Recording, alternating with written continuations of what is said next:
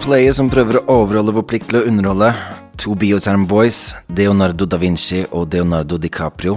Big Beezy, fresh ut av Syden. Og gutten som toser dubs i en dobbeltsculler. Mr. Pimpalotion. Yeah. Sydenboy. Yeah. Det er derfor eh, det er litt lenge siden forrige cast, fordi at du har jo vært i Syden og ikke jobba. Nei, gått eh, 14,50 på buffeen, lest noen bøker og bada litt og gjort det big, altså. Har du lagt på deg, eller? Jeg lurer på om jeg har mista de keysene nå, men eh, jeg tror jeg lover meg litt, ja. Ja, Var det all inclusive? Absolutt. Eneste måten vi leter å leve på. Da må man jo spise mye, da. Men hvordan er det? For at jeg har vært på all inclusive én gang, og da var det jo sånn at den første dagen så spiste jeg helt sinnssykt mye, og så kanskje også andre dagen, men så begynte jeg å bli ganske lei, for det var jo ikke så gourmet. Nei, jeg har jo vært på dette en del ganger, og det er jo litt sånn uh, som skjer, da. Og så driver de liksom med sånn at det er Mexican night, Asian night, uh, Italian night og sånn forskjellig, men det er stort sett det samme, men at det kanskje er noe sushi på siden eller et eller annet sånt. da som Ja. er, uh, Og så var jeg ute på en liten sånn tur langs uh, stranda der med datteren min, da, som er fem. Og så så vi at det var en Noen del i baris? del players som var i baris og vel så det, da. For da vi kom til en sånn del av stranda som tydeligvis var en nudiststrand, Oi. noen sånne hvalrosser, uh, bare karer, da, kanskje sånn åtte til ni fullvoksne, ganske chubby dudes, som lå der og hadde vippa fram utstyr og sånn. Så Jeg har aldri vært på, og kommer aldri til å gå heller, på Nei. men Nei. jeg ser for meg at det, der er det på en måte kun ekle folk, da. Jeg ser, ikke for meg at det er noen eh, som har på en måte sexy baris, da. Jeg, tror det er, jeg ser for meg at det bare er den ekleste, de, de aller ekleste. jeg, jeg er jo nærsynt også, så det var sånn at jeg så det først, og så sånn Det er et eller annet som skurrer her, og så begynte jeg å glane litt, da. Og så bare Å ja, det er Du, en du squinta, eller? det er Du en, myste? ja, myste, sånn. Hjelper det å myse for dere nærsynte? Der er det en solbrun penis mm. der, og eh, datteren min ble også litt sånn sjokkert. Hun liksom hvisket det er noen som soler seg i rumpa og tissen liksom Mm. Ja, det er veldig viktig. Og jeg trodde en av uttrykkene for rumpel var bare sånn 'shover up now with the sun don't shine', da. Men eh, det- her skinner sola, da. Yeah.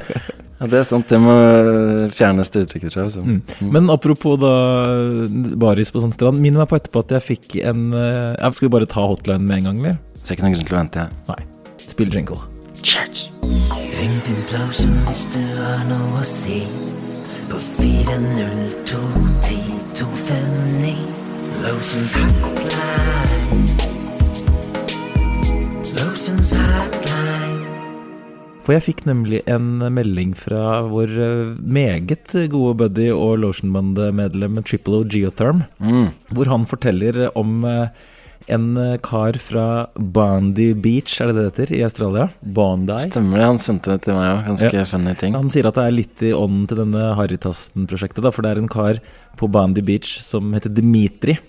Var det i Australia, dette? Var det ikke det? Jeg tror det er Australia. Mm. Det går vel en sånn serie på de som, for de som har TV, da, som sånn, heter sånn Bondi Beach eller et eller annet, tror jeg.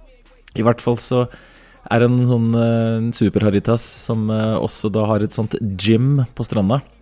Og en av tingene han driver med, er at han klatrer i tau sånn veldig høyt opp. Det er en, tydeligvis en, eh, en sånn eh, slags sikkert noe crossfit-aktig gren eller noe sånt. da Litt sånn Tarzan-business? ja, Og så hadde han eh, plutselig fått øye på noen, som, noen feminines som solte seg toppløse. Ja, det så jeg forresten også i, på Mallorca. Oh, oh. Ja, ja, det? ja, det var storartet. Men uh, det skjedde ikke det samme som en Dimitri, da, Fordi da ble han så satt ut at han slapp tauet.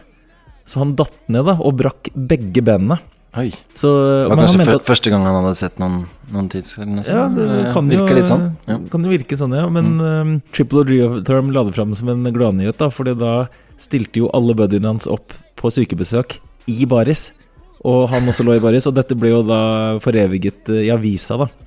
Så det er noen, det er noen baris boys. Så Mm. kanskje jeg må dra på Bandy Beach for research til Harrytassen. Hvis du skader deg under roeventyret ro-eventyret ditt, så kanskje du må møte opp en gjeng med players i baris på sykehuset. Så. Det får jeg vente. Beach life is the only life I know. I'm living that beach life. Get your money, stack your dough. I'm living that beach life. En som kaller seg for True in Quiz. Han eh, har et forslag til eh, navn på studio. Og dette kommer du til å like, BC. Skikkelig. Han spiste nemlig leverpostei. Og så satt han og så på Jeg ser du rynker på nesa, da. Ja, det er noe av det mest disgusting. Katt, Mat- kattemat. Ja, og du er jo litt sånn eh, Prater om at det er sånn matpakke-players, eller Mm. at det, er ikke så into matpakke. Absolutt ikke. I hvert fall så um, Se om du klarer å catche da det han foreslo, for jeg skjønte det først ikke. Og det er at han foreslår uh, navn på studio Stabburet. Altså det er jo Stabburet som lager leverpostei, da. Mm. Ser du The Connection? Jeg vet ikke om det er sånn Er det noen leverpostei med bacon, kanskje? Eller er noe sånt? Som kokes opp? igjen? Det er eh, sta. Det er da at eh, vi driver med, med ting på trass. Ja. Mm. Og buret, det er da her i studio hvor eh, Så du går inn i boothen, da. ja. Hvor magien skjer. Så han foreslår stabburet, da. Det høres jo veldig urbant og, og tøft ut. Jeg likte det egentlig. Det høres litt, uh, litt gangstete ut Ja. Vi spilte jo en første albumet sånn vi putter det ned, i lydkjøkkenet. Så det er jo Mm. litt sånn kjøkken og stabbur og Det er litt sånn eh, gourmet. Litt sånn eh, all inclusive-aktig.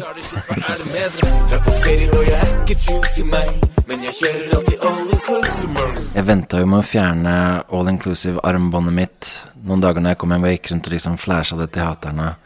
Så de, de fikk en tung dag, da. Ja. Jeg har jo en sånn greie hvor jeg ikke tar av eh, prislappene eller disse tagsene på klærne jeg kjøper, da. Det hender jo at folk eh, kommenterer det på flyplasser og sånn når vi spilte i Stavanger. Ja, da var det noen som gikk bak meg og skulle liksom litt sånn pst, pst, Du har glemt å ta av eh, lappen på, på lua. Og så skulle de prøve å ta den av, da. Det ville ikke jeg ha noe av, så jeg måtte jo fortelle dem at nei, det er helt bevisst. Og så har jeg den klasse, den sånn autopilot-greia jeg sier at jeg deponerer på den, så jeg, så jeg må beholde den, da. Men eh, nei, det sånn, så trodde de at jeg hadde den på for å få mest mulig oppmerksomhet, og det merker jeg at det var jeg ikke interessert i. For dette var ganske slitsom oppmerksomhet jeg fikk. Ja, eh, de fulgte etter deg. Jeg måtte stoppe i en annen butikk for å shake dem av og sånn. Det var eh, intense folk. Ja, det var jo på vei til at vi skulle se på Karpe-konserten.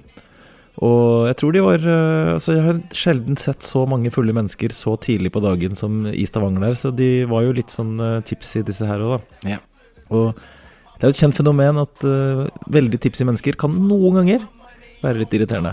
Og andre ganger kan det være veldig morsomt, da. Men eh, disse var bitte litt irriterende.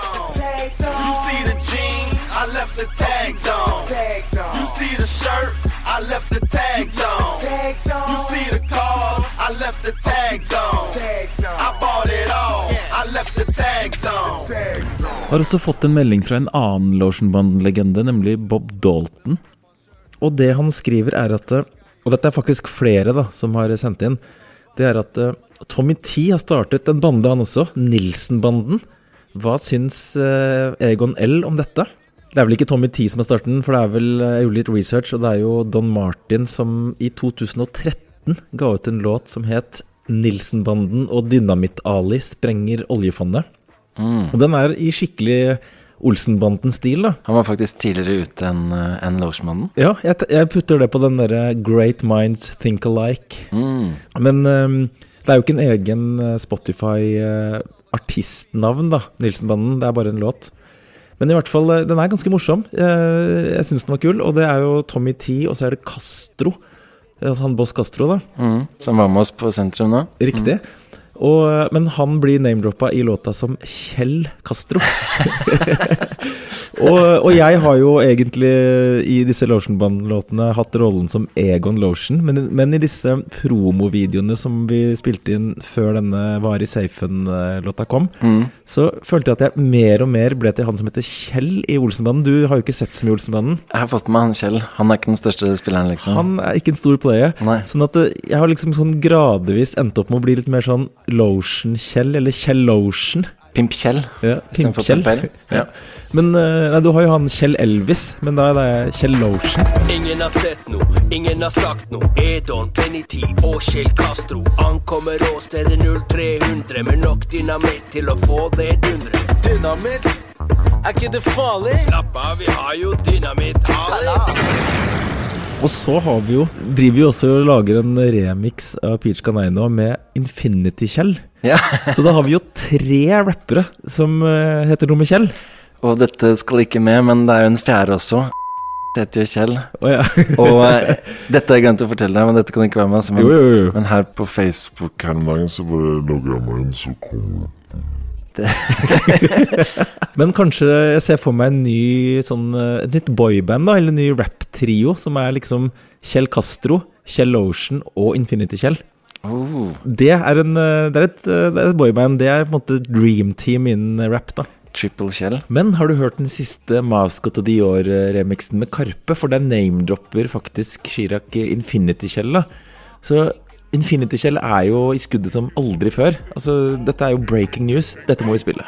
Jeg er i et infinity-basseng med infinity-skjell. Hva betyr det?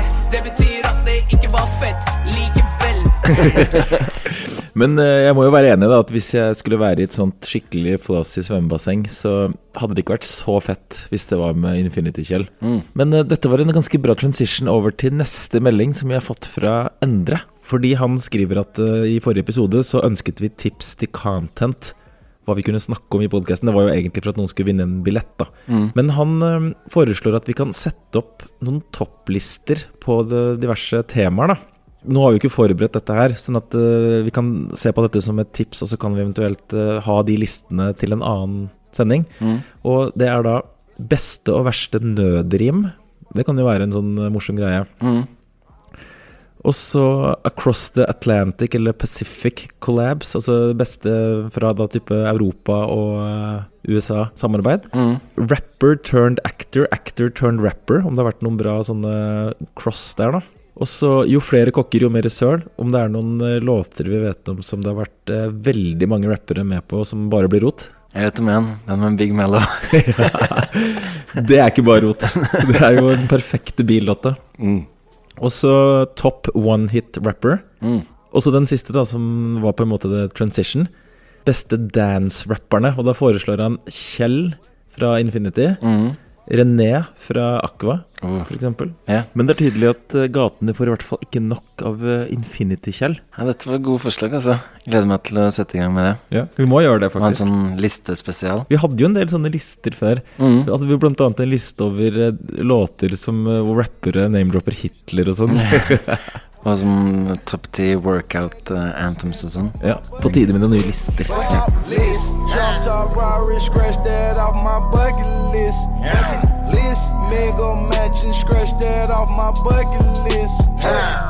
Øystein Hetland han vil også feede oss med noe sånn content for eh, eventuelt vinne tickets. da Det er jo for sent, selvfølgelig.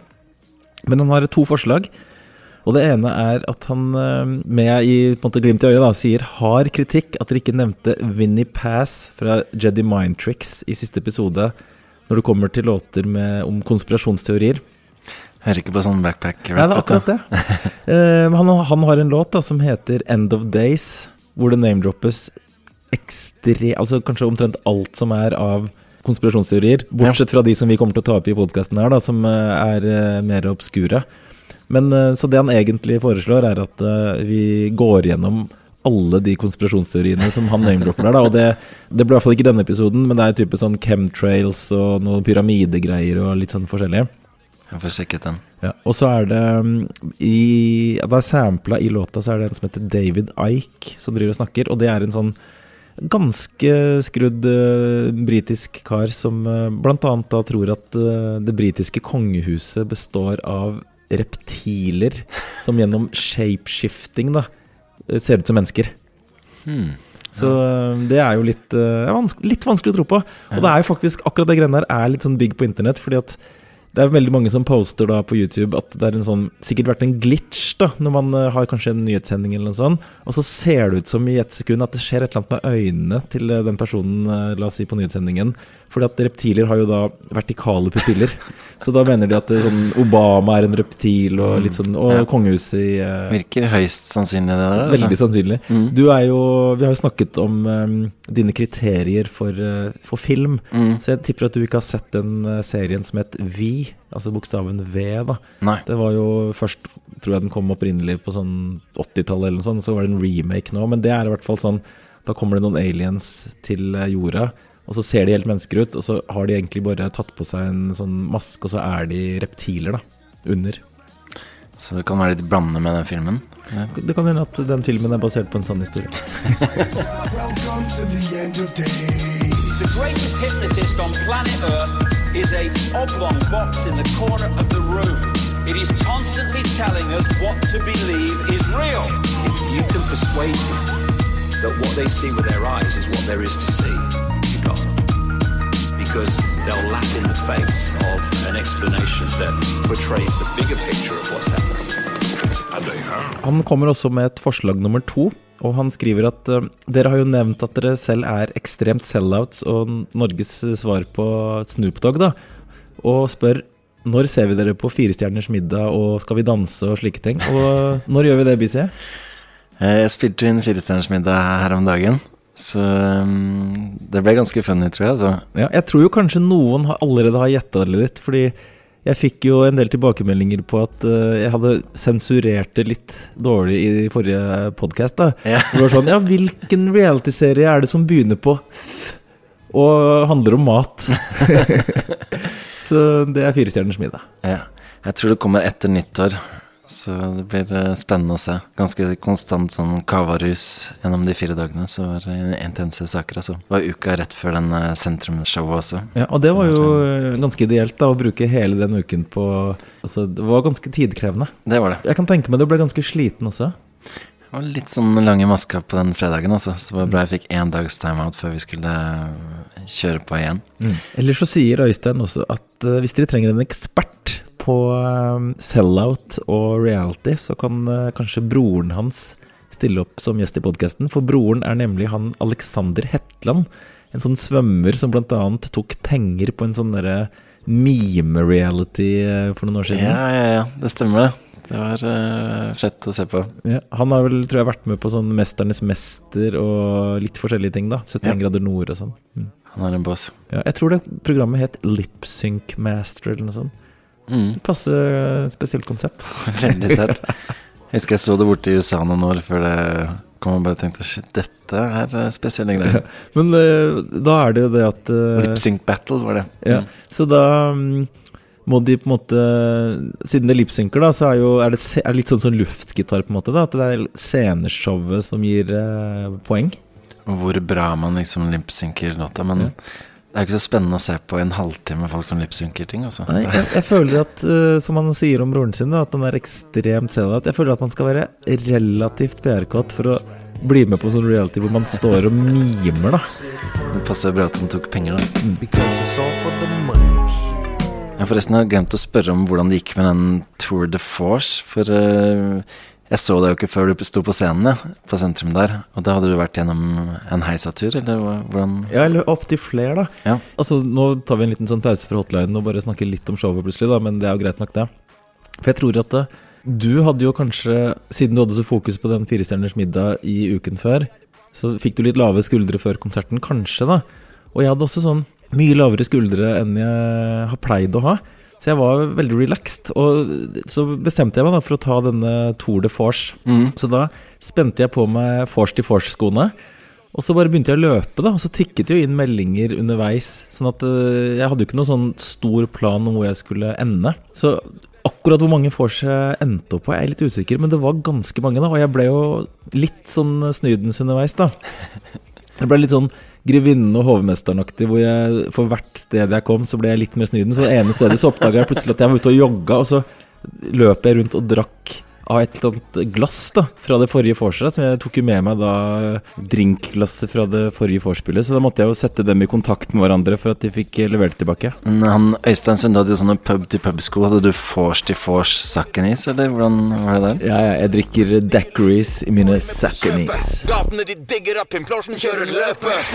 Drikker daiquiris i mine sakkenis. Når jeg og gissa mine henger ut på Applebee's. Og det første vorset jeg kom til, det var da i syvtiden. Og mens jeg var der, så hadde allerede de fått så mange naboklager at politiet kom og møtte opp for å stoppe det. da. Og da, da snakker vi lusende naboer, når man stopper et vors i sjutiden på en lørdag. Hvor var dette Da? Ja, det var jo Hva het det der utestedet hvor vi spilte på Surferosa sin bursdag? Krøsset? Ja, Det var liksom vis-à-vis krøsset, da. okay. Satt rett i krøsset. Og, og det, det er ganske sentralt. Og det var jo veldig mye studenter og sånn som bodde i den bygården der. Så Mye prippende studenter. ja, altså mm. begynne å klage på et vorspiel i sjudraget på en lørdag. Én ting er at eh, hvis det hadde vært langt, langt på natt, så til og med politiet hadde lagt ut på Twitter gjester, da. Det sto sånn 15 naboklager eh, for dette. En konsert på taket der. Så, så de møtte opp, da. Oh boy. Så det syns jeg var ganske, ganske G-shit. Men i denne da forbindelse så har jeg jo selvfølgelig et nikk til meg selv. Og det er eh, George Forshington. Eh, eventuelt så vil jeg si den på litt sånn svensk måte, da. George Washington. Veldig bra. Veldig, veldig Nei, det er jeg veldig stolt av, faktisk. Mm, det er en låt. Men har ikke du og Colin en sånn låt som heter uh, 'Forse til snuten kommer'? Er det den til? Fester til snuten kommer med han uh, godgutten Ole Bakke også. For ja, vi fester selv om det er politi her. Hvis snuten står utenfor, vel så får de look. Vi stopper ikke festen før det troppes opp med rambukk. Men vi bør kanskje lage en låt 'Vorse' til snutten kommer, for det, det føler jeg er enda mer hardcore, da. Absolutt. Og vi er jo dessuten ikke noen Nash-mennesker. Nei, vi er Force Boys. Washington Boys. I hvert fall så løper jeg jo da fra vors til vors, da. Og når jeg begynte å løpe tilbake til Sentrum Scene, så var da Jeg tror jeg kom inn på Sentrum Scene, så var den ti over halv ti.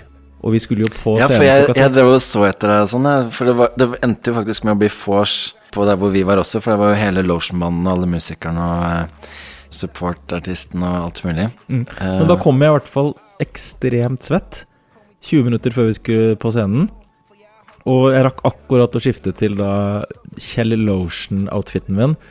Jeg, så jeg sa at jeg hadde veldig lave skuldre for dette showet, men det var to tekster som jeg kunne risikere å ikke naile, og det ene var da introen på Var i safen-låta, da. Og det var det som var greia, da. Når jeg hadde, dro fra dette vors til vors, så brukte jeg litt tiden mellom til å prøve å øve litt. Ja. Og så merket jeg at for hvert vors jeg var på, så kunne jeg det dårligere. Så til slutt var det sånn Det var så dårlig, da. Jeg var ikke i nærheten av kunde, sånn at jeg måtte kutte litt ned på drikkinga mot slutten der, og det ble mest bare brus, da. Lettbrus. Ja. Gikk faktisk på en blemme hvor jeg kjøpte en Red Bull med sukker.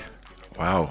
Det var derfor du ble så swingman. Det sier jo bare litt hvor, eh, hvor snydens jeg ble. Jeg klarte å kjøpe sukkerbrus, da. Jeg hadde faktisk motsatt greie, for jeg, jeg drakk kun et lite glass champagne før showet og var 100% tipsy, føltes det som gjennom hele showet. Så. Ja. Og jeg hadde også sånn at jeg måtte gå inn på et rom og øve på Det var to tracks um, som jeg hadde sett for meg at jeg skulle øve på da før konserten, og det var den BC Baby, den nye låta jeg skulle ta. Og så var det en til, og så var det lyden av min klikk, som jeg ikke hadde tatt på en stund. Eh, Hvordan syns du den gikk av?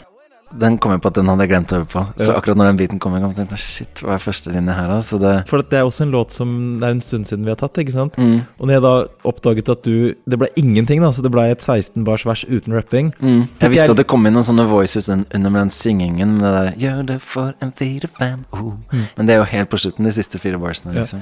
Men jeg fikk jo da litt prestasjonsangst, for jeg tenkte at nå bør i hvert fall ikke jeg choke på denne låta. Fordi da er det passe fiasko. En hel låt hvor vi bare misser.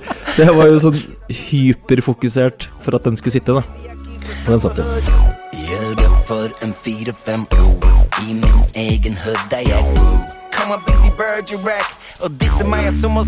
Men bortsett fra den eh, glippen der, så var det tight as fuck. Altså, det var veldig digg å spille med band og sånn. Nå har vi jo fått gjort det noen par år, og det begynner å bli veldig tight eh, liveshowet, det årlige, store liveshowet der, altså. Ja, og det var litt det som jeg snakka om, at uh, jeg gikk inn i hele dette med litt sånn lave skuldre. Og jeg følte at det, det gjaldt egentlig alle på scenen, da. Mm. Kanskje bortsett fra Leif Arne. Så han var litt mer tens. Litt oppspilt. Ja, ja litt. Mm. Mm. Men um, kanskje er den konserten som jeg har hatt det egentlig mest gøy på. Da, for jeg var liksom relaxed hele tiden. Og, Ja, samme med meg, altså. og så hadde jeg egentlig bestemt meg for at, øh, at det var de to låtene. Det, var en, øh, det var faktisk da den Leif Arne-låta. Den har jeg ikke tatt live før. Mm. Det verset. Ja, stemmer, den var den andre jeg øvde på. Mm. Ja. Og, men jeg var litt sånn Gikk inn litt relaxed og tenkte at det misser jeg, så misser jeg det. Så tar jeg det med et smil, og så sier jeg hip hop hooray, liksom, og så går vi videre. Så det var utrolig digg å ha en sånn konsert hvor man var sånn slappa og koste seg hele tiden. da Jeg er enig. Og jeg var jo som sagt følte meg helt sober, og det var veldig gøy uansett. Og jeg har jo hatt en sånn uh, greie på tidligere konserter av de store, da, hvor jeg har masse masse sceneskift og har skrevet lister og veldig avansert jeg, når jeg skal skifte hva til hva og sånn. Det bare hoppa jeg bukk over nå. Og så jeg skifta jeg masse, da. Men uh, jeg bare gjorde det litt sånn på sparket. Det var, mye deiligere. Ja, litt mer relaxed. Mm.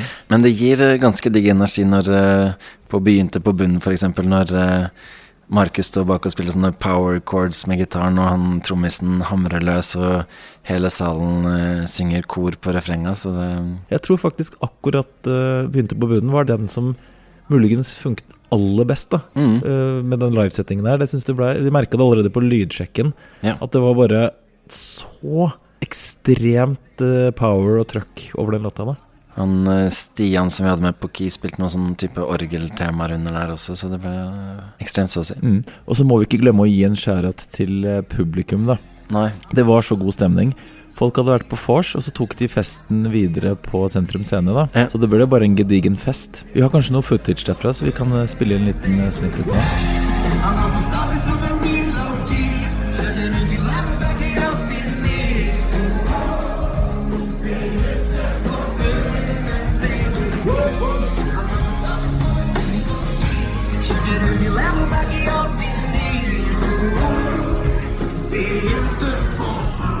Men eh, jeg sto jo bak og liksom gira meg opp når dere hadde Lotionmannen og skulle åpne opp safen alt det der, så jeg fikk jo ikke med meg det. Jeg var jo på generalprøven, og da gikk det ikke så bra. Da var det akkurat som det tok sånn ti minutter å åpne opp den safen eller noe sånt, med en sånn prøvesafe. Ja.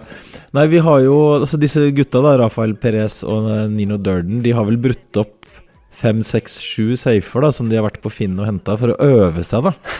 Og vi brøt jo også opp en på lydsjekken bare for å teste at det gikk, og det var jo ganske bra vi gjorde, for det, det tok sin tid, som du sier. Ja. Fordi safen måtte jo festes med noen stropper for at det ikke skulle gi etter når man begynte å bende opp. Akkurat det sleit jeg litt med. Så det var faktisk veldig bra da at vi gjorde en sånn generalprøve og brøt opp en safe også da på lydsjekken. Hadde blitt ganske sånn dårlig start på konserten hvis det bare ble masse jekking og Ja. sånn på den i kanskje fem minutter, ti minutter osv. Ja, det hadde vært litt døvt. Du har litt musikk, og så stopper musikken, og så det, står man der og jobber og svetter i ti minutter uten noe musikk. Det kunne være ja, litt dårlig start. Ja. Dagen før så kom disse gutta for å hente safen, så jeg slapp å ha med den på T-banen på vei til Sentrum Scene. Og så da løfta vi litt på den og prøvde å riste litt og, og sånne ting, da. Og så fant vi ut at den her Altså Med mindre den er fylt med bomull, eller at den er fylt med noe som er så perfect fit, da, så er den nok tom. Og det er litt kjedelig. Eller vi dere diskuterte Mm. Hva er egentlig best? Er det best at den er tom? For hvis den bare hadde inneholdt noe sånn helt uinteressant, noe papirer og sånn, så gir jo ikke det så veldig mye for de som er i publikum. Hvis det ikke er Rydeberg sin borilist, da. Ja. Men eh, jeg tenkte at enten er det kanskje best om den er tom, eller at den er stacka med masse penger, da. For det ville jo synes blant publikum. Mm. Men vi gikk ut fra at den var tom, da. Og så sto vi der og diskuterte litt. Um, et eller annet, Jeg kunne jo prøvd å smugle noe inn i den, eller noe sånt, uh, bare for at det skulle være et eller annet, da. Og så er det jo to som har name-droppa Orderud-sokken eh, i selve låta. Yeah. Og så um, tenkte vi at det hadde vært fett om det var en sokk. Men så er jo denne Orderud-sokken Den er jo veldig spesiell, for den er en oransje raggsokk med tre hvite striper på. Litt sånn tennissokk-raggsokk. Og så sier han ene, han Rafael Perez, at ja, men svigermoren min, hun er jævla god til å strikke. Da er klokka ti på kvelden da, på fredag, og Ja. konserten er på lørdag. Jeg ringer henne nå, jeg. Og så ringer han henne da og så spør du, kan du, vi har et oppdrag her nå, hva driver du med nå? Ja, nå sitter jeg og strikker. Så ja, det er helt perfekt. Vi trenger at du strikker en sånn Orderud-sokk, og vi trenger den inn i morgen tidlig. Det tok hun bare på strak arm, da. Så satte hun seg bare ned. Hun hadde garn med riktig farge, så da satt hun og strikket om natta da, for å lage en sånn Orderud-sokk. Det er showbiz. Ja, og den eh, hadde jeg på en måte smuglet inn i ermet på pelsjakken min, og så lirket jeg den ut når eh, safen ble åpna, da. I safens verden er jeg Michelin-kokk. Bak den låsen så ligger det en sokk. Teorien er ikke svak, teorien den er sterk. Kristin lagde sokken da hun hadde kunst og håndverk. Den er full av clues og kanskje DNA. Dette er om Orderud, ikke JFK. Tør vi dette? Vi vet hvor det ender. Bundet opp i Sørum på føtter og hender. Ellers så var det jo en sånn litt annen morsom ting som skjedde med denne Lotion-banden og disse Safe-gutta, da. Fordi at de bor utenbys. Og så hadde de tenkt seg at det, altså det er litt dyrt å leie et svært hotellrom. Det hadde vært fett å fått en leilighet eller noe sånt, sånn at de kunne få seg skikkelig aggressivt, og så hatt det verste Helt til snuten kommer, eller? Ja, helt til snuten kommer. Ja. Og så, så begynte han å tenke Airbnb, det må jeg sjekke ut. Gjorde han litt sånn research og sånn, da, og så fant han en som var rett borti gata der. Men den, for å ha den en natt, kosta noen tusen, da, så det ble fort 1000 kroner per pers, da. Det, det var en del kompiser som skulle komme og sånn. Så tenkte jeg ja, det er kanskje litt mye. Gjorde litt mer research, og så fant han en helt perfekt leilighet som lå bare sånn to kvartaler unna Sentrum Scene. Og så når han da på en måte skrev søknaden, da, så skriver han at ja, vi er to kompiser som skal på konsert, vi skal bare bruke det til å sove. Men det han egentlig skal, er jo bare å stille opp liksom de to kommer med de svarte dressene og slegger og balaklava og alt mulig sånn, og skal liksom troppe opp med 16 karer og ha sånn major force, da, og så major Nash etterpå. Det er egentlig planene. Og så booker han det, da, og betaler. Det var jo fortsatt en del tusen. Og så ringer han rundt til alle kompisene sine at det, det, det blir så fett, og nå skal alle få bo i Oslo, og vi kan dra dit rett etter konserten, og vi kan vorse først, og alt mulig sånn. Og så, akkurat ferdig med det, så plinger det inn en melding fra de som leier ut leiligheten. Og de skriver at vi vil bare understreke at dette er en sånn shared Airbnb, hvor dere må dele hele leiligheten og alt med min, me and my homosexual boyfriend. Og liksom de flere ganger i løpet av den uh, mailen da, name-dropper et 'me and my homosexual boyfriend'. Akkurat som at legningen det er det, liksom det viktigste de må på en måte få understreket uh, til disse som skal leie. da Så bare sånn, ok uh, For det første så liksom Det passer jo veldig dårlig. Ja. Når egentlig planen var at de skulle ljuge på seg at de bare skulle sove og skulle ha skikkelig heidundrende vors og næsj og sånn. og så var det litt sånn Fremstår jeg nå som homofob hvis jeg nå plutselig skal avbestille fordi han og hans uh, homofile kjæreste faktisk bodde der, da? Men jeg tror jo faktisk hele den greia var en scam, da, fordi måten de la det fram på Altså, hvem er det som da vil leie der? Ja. Når de må liksom dele Det hørtes ut som sånn der homofilt swingers-par eller noe sånt. Det var jo eh, skikkelig ekkelt, egentlig. Jeg ser egentlig for meg den der scenen fra Pulp Fiction nede i kjelleren der, hvor det, man har en sånn ball, sånn gagball, som er, og masse lær, da. ja. så, og da begynte han å ja. researche litt, da, og så så han at eh, alle som For du kan jo se på sånn eh, Tydeligvis på Airbnb, litt sånn som Uber, at du kan se på sånn reviews og sånn. da Og det var jo sånn Alle hadde jo avbestilt. Men så er det jo sånn at hvis du avbestiller for seint, så får du ikke pengene tilbake. Så jeg tror nesten de her eh, baserte seg på å få folk til å leie. Og så, så fortelle om jeg og min homofile boyfriend eh, Vi må dele liksom eh, hele leiligheten med oss, da. Så det er en hustle. Det tror jeg det var. Ja.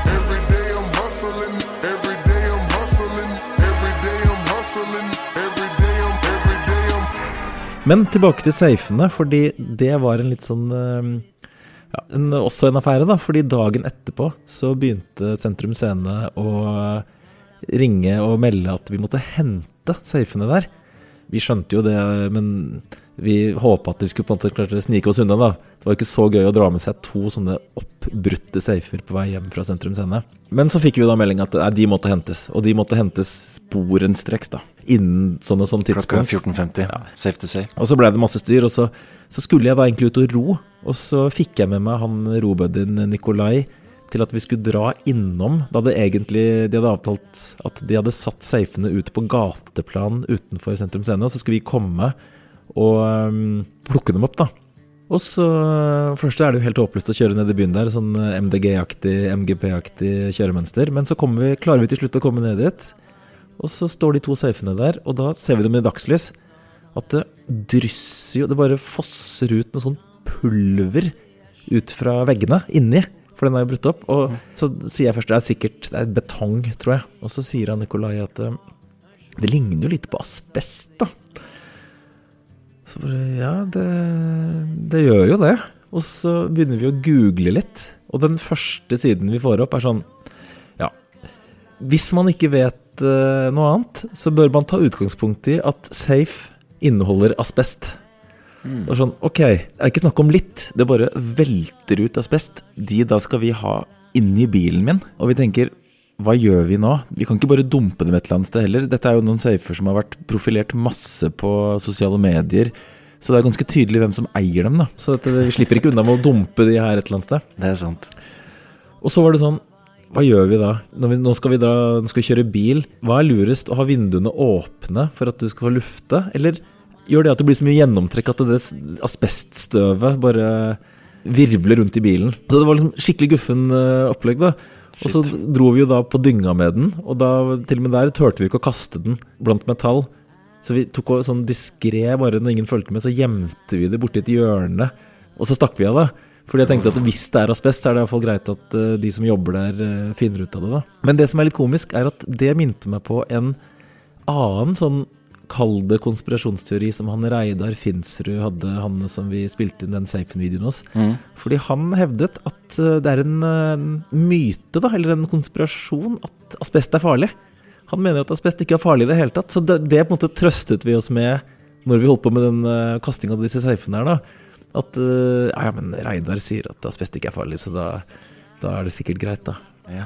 Men nå er du og han eh, Nikolai både robuddies og asbestiser, eller? Asbestos, asbestos. Fylte jo 40 tidligere i år og blir mer og mer på sånn pappavits-greiene, merker jeg. da. Så når jeg var i Spania, så fikk jeg så lyst til å kjøpe et eh, pornoblad. Og så gikk jeg i butikken her, og så sa jeg por, por favor. Ja, kanskje Ja. klippe bort den, eller? Ja, kanskje. Kanskje, vi får se. Ja. Hugg P, han eh, skriver Som den trassige playeren du er, har du vurdert, også i parentes, et ord som du bruker ganske mye, uttale apropos med s-en, bare sånn på trass, og begynne å si apropos. Og det syns jeg er en ganske god idé, så det skal jeg begynne med fra nå.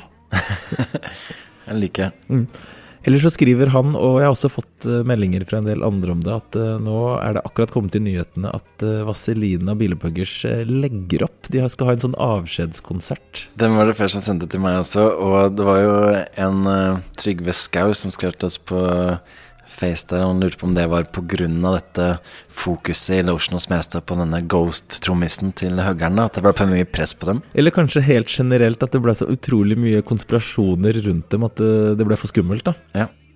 Kan være. Og jeg har også fått fra en som kaller seg Padde, The Human Centipede. Han har også en liten sånn Høggern-konspirasjonsgreie, da. Han skriver nemlig at um, han vet hvorfor nesen til Høggern er så skeiv. Det er nemlig fordi at øhm, faren til eksen hans For mange år siden så var han øh, sammen med en, øh, en dame. Så hadde de hengt og vært nyforelska i en bar oppe på Toten. Og så hadde det kommet en sånn slesk player og prøvd å legge han på henne. Og så hadde begge bedt denne sleske playeren om å gå, da. Det hadde han nekta, for han var en trassig type. Og denne trassige typen var jo Høggern. Og da var det sånn at eh, eneste måten de kunne få han bort på, var å slå han kjempehardt midt i ansiktet. Og etter det så har han da fått en skeiv nese, da. Så vi vet da hvorfor han har en skeiv nese. Så mye huggern-stories, altså. Mm. Bare fortsett å mate oss med dem. Eller så skriver han også at uh, han er veldig glad i sørstatsrap, og spesielt Chopped and Screwed. Og sier at han pleier å høre på podkasten på halv hastighet. Wow. Og sier at det er kun vår det funker med, men med vår så funker det, da. Og han anbefaler andre å prøve det også, da. Det er veldig sånn mediterende. Så når han eh, kjører i bil på vei hjem fra jobb, så hører han på da Losjen og Smestad på halv hastighet, og føler at det er veldig, veldig deilig. Kanskje vi burde gi ut en chopped and screwed-variant, hvor vi chopper litt ord og sånn innimellom, og så er den eh, i pitcha ned en god del. Ja, det har vært ganske trassig å gitt ut Chopped and Screwed-podkast. For de som ikke kjenner til fenomenet, så er det enda en sånn stil som DJ Screw starta nede i Texas, hvor de pitcher ned hastigheten på musikken, så det blir helt sånn drowsy, og så driver de og chop, chop, chop, chop, chopper opp musikken din. Det er rett og slett de få gangene jeg med uflaks har kjøpt feil da, og endt opp med Chopped and Screwed-versjonen av en CD, så har det jo vært fullstendig fiasko. Ja, jeg sliter også med å digge det. Det skal jo sies at disse gutta Nå vet jeg ikke om han innsenderen er på det, men de er jo ofte da på sånn Hostesaft. lean. Ja, hostesaften. eh, narkotisk hostesaft. Narcotics. Sånn at de blir litt sånn drowsy og sånn selv, da, så det hjelper nok, det. Ellers har jeg fått flere sånne Høggern-ting, skjønner du. Det er eh, Dennis, aka Unge Dirty. Han skriver at uh, Høggern fylte 70 år akkurat den dagen vi hadde konsert på Sentrum Scene. 31. august. Så i tillegg til at det var en merkedag fordi vi hadde konsert der, så var jo også da det 70-årsdagen til Høggern, da. Damn, og du har jo bursdag 1. september. Og Markus Neby. Ja, så tenk hvis eh, alle dere kunne hatt et sånn felles party en gang. Ja. Nå, har jo, nå som de legger opp, så kan jo eh, kanskje få til en collab med Høggern, da. Nå vet jeg ikke helt hva han kan bidra med, da, for han kan jo ikke spille trommer. Nei. Og øh, jeg vet ikke om, hva annet han kan heller. Men, Han er jo busy looking good, da. Ja, det er Så det kan jo være han kan Han kan bare være, være, the med på pretty sånn. face in the group. Ja. Vaseline.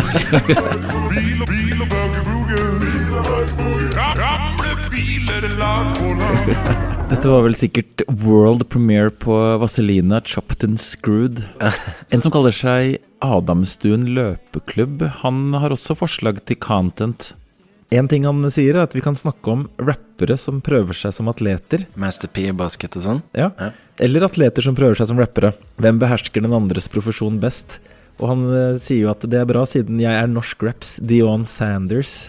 Mm. Jeg så at han eh, The Game hadde spilt eh, mot han eh, Anthony Davis fra Lakers her om dagen. Han posta på Insta at spilte mot eh, Anthony Davis, men han juksa. Mm. Eh, Shaquille O'Neal har jo også gitt ut uh, rapplåter, da. Ja, ja. Mange album. Mm. Og så sier han at et eksempel er jo Christian Strand med sin Maybe Baby-hit og Pers på 60 meter på 7.17, som også da var navnet på debutalbumet hans. Ja, Jeg kjenner jo Chris Strand. Han Mm. hang vi med back in the days på disse første showene våre. Ja. Han eh, sier dog at det er da et eksempel på en som verken ble en hitmaker eller OL-materiale innen friidrett. Altså, det var jo Fikk jo sitt eget kveldsshow etter hvert, da. Ja. På NRK. Og så spilte han jo i Hotell Cæsar, så det er en allsidig type. Men at albumtittelen hans er oppkalt etter Passion på 60 meter, det er faktisk ganske morsomt. Mm. Hva er din pers på 60 meter? Jeg, jeg tror jeg aldri kom under tida, faktisk. Wow. Jeg var sånn 10-1 eller noe sånt. Nei, jeg vet ikke engang. Kanskje vi skal ta en sånn 60 meter duell en gang? Kanskje det. Kanskje ikke.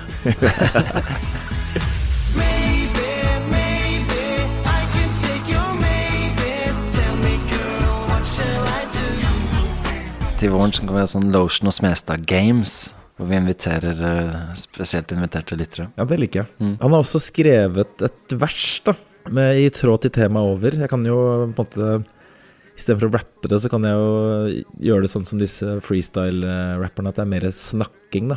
Utholdenhet er en selvfølgelighet. Lolo er rappspillets kenyaner. Produserer bangers i tempo som gjør at haterne glaner. Gir seg aldri, sikter høyere enn Steinar Hoen. Chicksa løper etter Pimpel i tempo til Geir Moen.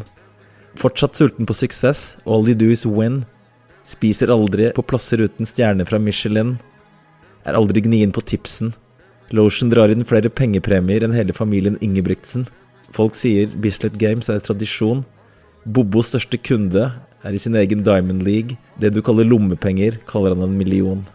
Mm, det hørtes teit ut, det der. da Kanskje jeg burde Kanskje rappe burde bite det. Han er en ghostwriter. Um, men uh, har du fortalt dette, den der Geir Moen-storyen din i podkasten før? Jeg vet ikke, Det er jo litt sånn funny, da. Det var i fall, det var jo, da var jeg i Syden. Mm. Ja, mm, ja. Og da hadde jeg I den perioden så hadde jeg hestehale, da. Beklageligvis ponytail.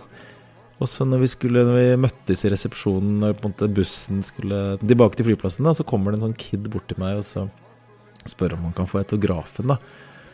Det er sånn passe pinlig eh, ting. Hadde du gitt ut disse underground-tapesene dine der, eller?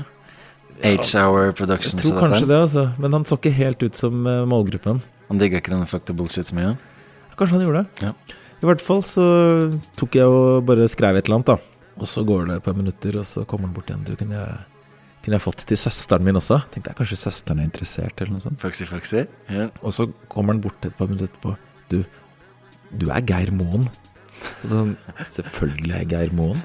Så det var passe pinlig, da. Mm. Men da var du fit som Geir Moen i den perioden der også, så Jeg tror det, altså. Ja. altså Geir Moen var jo en kjekkas. Sånn at eh, det kunne jeg føle litt, da. Men det var en gang jeg var på byen hvor det kom en dame bort og trodde at jeg var en Ole Lukkøye. Og Klemetsen Det syns jeg ikke var så bra skussmål, da. Nei, shit. Men eh, faktisk, han eh, Ole Klemetsen, altså Ole Lukke, han måtte jo amputere fingeren sin etter en tur til Syden. Så han er også en Syden-player, da. Mm. Liker at det er Syden-fokus. Jeg kom på også at eh, jeg måtte jo maxen og relaxen litt når jeg var i Syden, så da leste jeg den nye selvbiografien til Rick Rouse. Og det var også Mm. ganske interessant, underholdende biografi. Han er en uh, athlete. Han var en athlete, faktisk. Han spilte amerikansk fotball og var sånn eh, De hadde troa på han at han kanskje kunne bli sånn NFL-dude og sånn. Men det er jo en av de idrettene hvor faktisk noen tjukkaser kan gjøre det bra, da. Ja, så han tenker han var en sånn enforcer på banen der, altså. Mm. Ja, han drev jo kombinerte det med litt uh, drug sales og sånne ting. Men eh, han hadde jo en lang eh, vei før han ble kjent artist. Og han holdt jo på Først ble han jo signa til um, Swow House Records, som vi har Mm. snakket om før, med 8-Ball MJG og Tila og South Circle og sånne ting. Når, når var dette? Hvor lenge siden var det? Det var vel eh, Jeg lurer på om det var på slutten av 90-tallet eller noe sånt. han Ja, det var noe Svava var på vei litt vei ned. Litt vei ned, ja. Mm. Uh, så de var litt sånn skulle signe en del nye artister og sånn. Sånn spilte inn et album der. Det kom etter hvert ut også. Ganske kult. Det heter Rise to Power. Jeg tror det kom ut kanskje 2007 eller noe sånt etter han var blitt kjent. Pusha TM på en kul låt der og sånn, blant annet. Men uh, Og så etter det Det funka ikke, da, så ingenting kom ut og sånn på den tiden. Og så fikk han deal med Slip and Slide Records, som er Miami-labelen med Trick Daddy og Trina og sånn. Og eh, der eh, lagde han også et album, men da var sånn De hadde distribusjonsavtale med Atlantic. Eh, I got the motherfuckers flying across the Atlantic. Og de hadde ikke troa på Rick Ross, da, så de ville gi ut de andre artistene, men ikke han. Så da ble han dumpa der, og da ble han veldig sånn mad eh, og uh, skuffa over livet og eh, dro rundt og gjorde shows for 200 dollar her og der og sånn, og så plutselig fikk han høre den eh, I'm Hustlin'. Ja, den beat-CD-en med Hustlin fra The Runners, og det var en sånn trick daddy hadde fått den først og takka nei, og jeg lurer på om det var TI eller noen andre som også hadde hørt den biten og ikke var interessert i det. Det er mange som ikke vet sitt eget beste. Ja, og Rick Ross han bare visste Her er min ticket, liksom. Når han hørte den biten. Jeg kan si hva som helst på den her. Dette på hooket var på alt mulig. Mm. Så han bare um, visste at han hadde noe der. Og det hadde han. Mm. Det er jo eh, en av de råeste beatsa, da. Bare den eh, introen der er jo massiv, liksom. Mm. Vi spilte jo en liten snippet i stad, men eh, det skader ikke å spille den en gang til. Who the fuck you think you're fucking with? I'm the fucking boss. 745, white on white, that's fucking Ross. I cut them wide, I cut them long, I cut them fat. I keep them coming back. We keep them coming back. I'm in the distribution. I'm like Atlantic. I got the motherfuckers flying across the Atlantic. Han snakka også litt om den derre fengselsbetjent-greia Mm. i boka si, da. Ja, for det er noe som en del rappere har uh, gitt han ganske mye tyn for, da, at han har eh, jobbet som fengselsbetjent. Ja, spesielt 50 Cent. Og så var det jo sånn at han hadde vel den jobben da han var 19 eller noe sånt, og så på det bare som any job, liksom. Og han drev jo og slanga litt drugs og tenkte vel kanskje at han skulle få kombinert de to jobbene litt og sånn. Men uh, han jobba ikke der så lenge, det var kanskje fem måneder eller noe sånt. Eh, men eh, når denne saken blow up, da, så var det, kom det et eller annet sånn statement fra noe management eller noe sånt som ikke var fra Rick Ross, eller hvor det sto nei, dette benektes, og dette er fake news. Fake at han, news. At han er, har vært uh, fengselsbetjent. Og så ble Rick Ross spurt om å verifisere den meldinga. Da sa han liksom ja, det stemmer, jeg. Og, da liksom jugde den, da. Mm. Det, det syns han og var bare sånn jeg, jeg, vet ikke, ja, jeg vet ikke hvorfor jeg jugde engang, liksom. Men det, det gjorde den, og så kom det ut bilder og bevis på at han faktisk hadde vært etter hvert. da, det var liksom Men det har vel lagt seg nå? Det er vel ikke noe sånn Folk er vel ikke så hissige på det nå? Nei, nei. Jeg husker at det var litt sånn at folk var litt sånn Hm, hvordan kommer det til å gå med karrieren hans? nå?» Men så bare fortsatte han å gi ut kvalitetsmusikk og ble egentlig bare biggere og biggere. Og Mm. BMF og disse kom vel etter det der, hvis jeg husker Ja. Og det som er så bra med BMF, er at det er name-dropper Styles P, Subaru, Rally Car. det er kvalitet. Ja. Blunt tip, orange like caviar. Wildin' out, fishtail and Subaru rally car. Tilbake til hotlinen. Stian sier halla, hørte på siste episode nå og digger at dere fant vikingdeathtrap.exe. Jeg har en teori på at han som rapper er rapperen Tovanski. Han har iallfall veldig lignende dialekt. Vi kan jo spille litt Tovanski her, da, så kan vi jo høre om uh, vi syns det ligner. Det kan kanskje ligne litt, faktisk. Munnkurv på dem, rem rundt munn på dem. Renn sunt hjul med dem, gjeng med lem på dem. Gi meg rewind, gjengmedlem på dem. Tolk så ordene der i ett ord eller tre. Eller tell ned tre dråper LSD. En kokt kokt DMT. Og vorp ut til mer 60. Ja, det kan være. Mm. Og så skriver han også PS. Hvis dere skal hedre noen, syns jeg det er Øystein Sunde. Norges beste rapper. Litt sånn um, langt skritt fra Viking Death Trap XC til Øystein Sunde. Men um, det er jo litt rød tråd likevel, da, for vi var jo innom uh, Øystein Sunde i stad, faktisk. Ja. Han er kjø rask i kjeften, i hvert fall. Mm, han eh, er vel litt sånn Twista-aktig. Har sånn lipsync lip-sync battle mellom Twista og Øystein Sunde. Eller real battle. Ja, men da setter jeg en, en ticket på Øystein Sunde. Du må ikke komme her og komme her. Du må ikke komme her og komme her. Du må ikke komme her og tro at du har noe kær. Du må ikke komme her og komme her. Simen skriver til meg, eller overskriften er da Pimpguden redder Great Barrier Reef med en dose pimpstein. Og da linket han til en artikkel da, hvor det var en enormt stor øy av pimpstein som eh, kom flytende til eh, Australia og visstnok uh, reddet Eller skulle være redningen for The Great Barrier Reef. da Aha. Så han mener at det er pimpguden som står bak. da Det er jo litt funny med dette pimpstein. Mm. Det er jo eh, Jeg burde få meg en svær pimpstein i studio her. Vi burde kanskje utvikle noen sånne mm, smykker med pimpstein. Ja. Det er sikkert litt billigere enn diamanter og sånn, vil jeg tro. Pimplotion og pimpstein. Det er, eh, Ice sier jo pimplotion. Med sånn trykk på pimp først, da, og jeg sier jo pimplotion. Men Mm. eh, det kunne vært en pimpstein også. Det er mm. åpent for det. Ja. Up for grabs. Han robuddyen min, eh, Nico, han ga meg forresten et eh, nickname som passer i forbindelse med dette Kjell-greiene, da, og det er eh, Don Olsen. Etter Egon Olsen. Det høres litt sånn uh, Pimp Smestad-aktig ut. Don Mm. Olsen. Utvilsomt. Rafael Perez, det er også en av disse gutta vet du, som uh, brøt opp safen. Han har et nickname til deg, som han skriver at uh, Som du neppe føler, og da refererer til dine filmkriterier. Vi var jo innom det i stad også. Mm. Det er Oral Beetlebrus. Det er jo en sånn film som Jeg heter sett, Beetlejuice. eh, Beetlejuice. Jeg liker faktisk litt når det er sånn litt comedy involvert. Noen av de der liker jeg, altså. Det er jo en sånn med noen spøkelser, da. Mm. Så det er jo litt sånn uh, Lilly Bendriss-ånden. Ja. Det er vel, Hvem var det som spilte Beetlejuice? Det var Michael Keaton. Ja, okay. fordi visstnok så er det sånn at nesten alt han sier, er bare adlibba underveis. da Så det er liksom masse improvisasjon, da.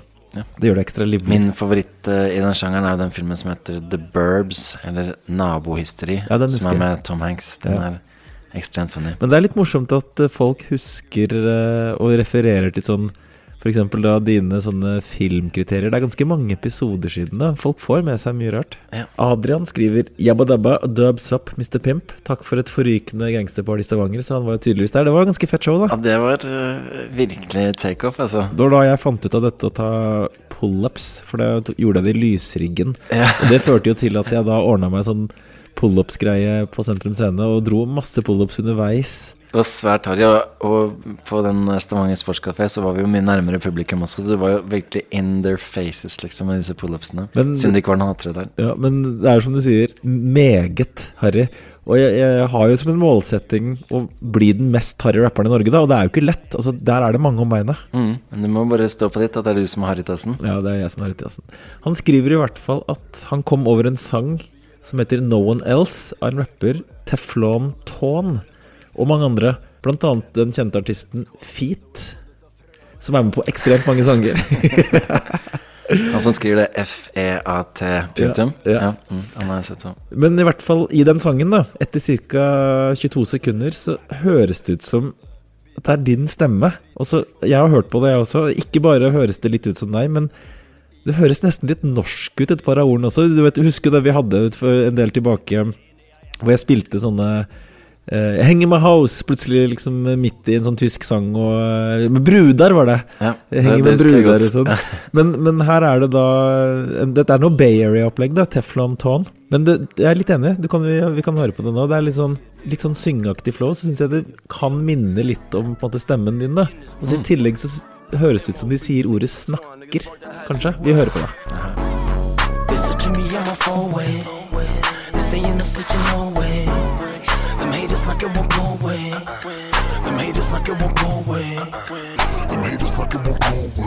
Jeg syns faktisk i starten der så høres ut som du sa 'idiot' eller noe sånt. Du kan høre på det her. De haters-snakker, det de sier. Men det er nesten som Norway òg. Men det er det partiet der, da. At de syns det høres ut som din syngestil og litt din stemme. Ja, jeg syns beaten også høres ut som noe jeg kunne plukka, liksom. Ja. Så nå har vi jo Vi fant jo i en tidligere episode den japanske Oral B. Nå har vi funnet Bay Areas Oral B. Da. Nei, så Teflon Tone um, Rick Ross er jo Teflon Dawn. Men jeg er jo nå Asbest Lotion. You're simply asbest. Føler at uh, asbest har på en måte um, hatt litt sånn dårlig rykte på seg. Det er ikke så mange rappere som rapper Asbest City, Nei, liksom. men, og, men jeg har jo snakket om det i en tidligere episode, at det er en sånn by som jeg kunne tenke meg å dra til, bare på pur trass, da. På ferie til Asbest City. Kanskje liksom via Tsjernobyl, og så til Asbest City, da. Tror du Norwegian flyr direkte dit, eller? Jeg sjekket faktisk eh, sånn eh, hoteller og sånn i Asbest City, og det var, det var så slum, da. Det var sånn derre Du måtte betale depositum før du kom. Altså du måtte forhåndsbetale det. Høyere enn det kosta også. Så jeg ser for meg at det, de som reiser til Asbest City, er noen veldig hardbarka dudes som i Skal både ha vors og nach? Vors og nach og alt, og ikke sammen med et homofilt par, for å si det sånn. Mm. Så jeg tror det er ganske røff, den byen. Det tviler jeg ikke på. Altså. Men nå er jo da, ifølge Reidar Finstrud, da, så er jo ikke asbest farlig lenger. Så nå kan vi begynne Men City kan være farlig. Det tror jeg er en farlig by. Mm. Men nå kan vi begynne å reklamere litt for asbest, da, for det er nå som det kanskje kan gjøre et comeback. Altså, Asbest kan eh, være sponsor av podkasten. er det et bra gruppenavn? Asbest. Det er litt sånn, vi skal, det Danseband skal jo ha den derre Komme med sånn Lotions orkester, for det er jo veldig mye sånn Disse dansebandnavnene heter liksom ofte noe sånt, da. Det gjør det. Ja, det er kanskje ikke asbest, men, men de heter uh, sånn eh, Ja, Kontrast med Z, eksempel. Picasso med Z. Scandix med X. Mimix med X. Og da har du jo Asbest med Z. Det blir jo uh, et helt topp gruppenavn, det.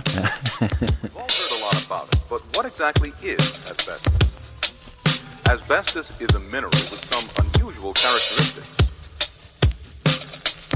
Fireproof, heat resistant, lightweight, resistant to most chemicals, bacteria resistant, sound absorbing, and it doesn't conduct electricity. Products that contain asbestos can be very helpful, but they can also be very harmful. Asbestos breaks down into small fibers, like strands of rope. These fibers can be so small that they're invisible to the human eye. One of the problems in dealing with asbestos fibers is that you can't see them, taste them, or smell them, but they are there. And if the fibers enter your body, they can cause severe damage. True in Quiz fra Homey Beach i Vestfold. Det er vel litt sånn uh, Bundy Beach-inspirert, da. Han har skrevet et eh, Jeg vet ikke om det er limerick eller hva det er, men eh, jeg må nesten bare lese det. Vi blir de nye sånne John Hervig Carlsen-aktige typene. Ja. Men jeg tror denne, Send oss en slick limerick på uh, Lowson Satellite. Altså Det er en limerick eller noe lignende. da Jeg er litt usikker på akkurat limerick-reglene, men jeg sleit litt med å finne akkurat på måte, oppsettet på når eh, disse rimesetningene kom. og det, sånn da Så jeg fikk litt limerick-fil. Men eh, det det går på, er vel at han er på jakt etter merch. Det støtter vi jo. Mm. Han skriver i hvert fall Hvor gjør panegyriske fans sine ærend for å legge maksimal kapital i deres lommer? Søker etter lyriske snøstormer og livet til en norsk boss. Men alt som kommer meg inn, er Arks filial i Moss. De sender vel ikke kroner i retur? Gratis som ormer, jeg vil ikke at Bisi skal gå sur. Og vende tilbake til analdigital eller get. En ekte 1450-player cruiser i yacht eller jet. Så hvorfor jeg har kjøpt slikt? Mitt mål, profittmaksimasjon. Hjelp meg med et svar, en reaksjon. Så hvor er bossenes merch? Jeg prøvde meg i Homey Beach sin pinsechurch, men de ville ikke svare en bortkommen sønn. Så vær så snill, hør min bønn. Gi meg et svar, en reaksjon. Pimp God, hvor skal jeg handle for profittmaksimasjon? Så han er egentlig på jakt etter snøstorm og um, livet til norsk boss, og så vet han ikke hvor han får kjøpt det. For å gå inn på konturforlag.no, så er det business der. Jeg fikk litt sånn av og på limerick-film. Det er vel bare fem linjer som er en limerick, og jeg husker heller ikke helt hvor rimene skal treffe der. Men, eh, Men det må vi lære oss nå, nå, nå jeg som vi er norsk, likte innslaget hans. nå som vi er norsk raps svar på uh, Hervik og Karlsen. Ja. er de blitt name-droppa i noen låter? Det tror jeg ikke. Det må det bli. Kjell Kristian Rike. Ja. Ja. Du, har jo den låta 'Åmot og Kjus'. Mm. Kanskje vi bør lage Ja, det, ja, det var uh, Kjell Kristian Rike og Karlsen. Rike og Carlsen. Rike og Karlsen. det er- Vi er podkast-universets Rike og Karlsen. Mm. Så jeg oppfordrer folk til å sende inn limericker. Det kan bli ganske corny podkast etter hvert. Masse limericker og dritt. Ja, det blir perfekt. Det var en herre ut i Skara som gjerne på alt ville spara. Han hyrde seg inn i et funkigt krypin. Nu får grannen för radion svara. Det var en bra limerick, så kanskje en annan igen. Mats skriver Hva syns dere om at Roots er husband for Jimmy Fallon? Uten tvil gode musikere, men hva gjør det med cred? Nå må jeg innrømme at jeg har aldri hørt på The Roots. For meg, det er så East Coast for meg, da. Det er jo uh, ganske komisk at de endte opp i den uh, kommersielle rollen der, da, men jeg syns jo det er bare smart. Get your money. De Ja, ja. begynner, å bli OGs og er flinke til å spille, så hvorfor ikke? Ja, ja. Men uh, jeg liker noen Roots-låter, altså spesielt den som heter What They Do, med Raphael Sadiq, som var litt sånn Det som man ikke likte helt ved den, var at videoen var på en måte en litt sånn diss av sånne generiske West Coast-videoene, da. Men låta i seg selv er veldig smooth. De har også en låt faktisk som heter 100% Dundee. Ja, det stemmer. og det kan jeg føle, da. Mm. Ikke kanskje låta, men jeg liker tittelen veldig godt. Jeg er jo 100 Dundee. Ja. Og egentlig så hadde jeg veldig planer om å få skaffet meg en sånn krokodilleskinnsvest, og det har kokt litt bort. Nå skal jeg gjøre et uh, nytt uh, forsøk på det, altså. Jeg husker det var en stund hvor uh, Når vi var i LA hvor alt var Swayze eller Dundee. Det er fortsatt Swayze. Ja, ja. Dynasty. Lyrical click, 100% Dundee. Malik B, I represent the B5D. Gorilla click, 100% Dundee. Jostein skriver Halla. Jeg er litt overrasket over at Booyah Tribe aldri har blitt nevnt i podkasten. Og ingen har vel kastet så mange dubs og vært mer real enn dem. Jeg vet ikke hva slags forhold du har til Booyah Tribe, men jeg husker jeg hørte på dem på det aller første albumet når det kom. Det het vel sånn Funky Nation eller et eller annet sånt. Og jeg er liksom litt på trass prøvde å høre på dem og like dem, da, fordi de, de på en måte claima litt at de var gangsta. Ja. De har litt sånne gangsterlinjer og sånn, men så er det liksom Det er litt for funky og litt for live. Sånn at det egentlig liksom Det ble for corny, da, så det blei liksom ikke gangster nok. Men jeg likevel drev og pressa meg til å høre på det, fordi de på en måte brukte ordet gangsta, da. Mm. Så jeg lot meg lure, da. Det er sånne Samoans fra LA som eh, Og så går de i baris, det skriver han også, da. Veldig Ja. mye baris. Men jeg syns aldri det var så kule rappere, egentlig. Altså, de hadde jo ett album som Battlecat produserte mesteparten av, hvor de hadde med seg noe True Corrupt var med og en del sånne bosser. Det var ganske kult. Mm. Eh, men eh, ellers har jeg ikke hørt noe særlig på det. Og så er det jo ganske funny med det Booyah. Det er jo sånn utrolig sånn 90-talls uh, Booyah! Booyaka! Det er litt sånn uh, G-aktig. Ja, det var sånn som rappere sa veldig mye i, i låter på starten av 90-tallet. Ja. Jeg tror det er en sånn Er det heter Omo, ono, omomatepoetikon, eller noe sånt. Det er i hvert fall en sånn ordgruppe som er da lydmalende eller lydhermende ord. Og jeg tror da boja er på en måte lyden av en shotgun, da. Det er det Mm. det på en måte Booyah, står for. booyah, Booyah, booyah, to the wind. 187 and it's on again. Nå er det jo litt uh, fristende å bare um, snike oss unna og spille litt deep cover her, men uh, vi må faktisk nesten spille bitte litt Booyah Tribe. Booyah! It means a cry from a shotgun. You want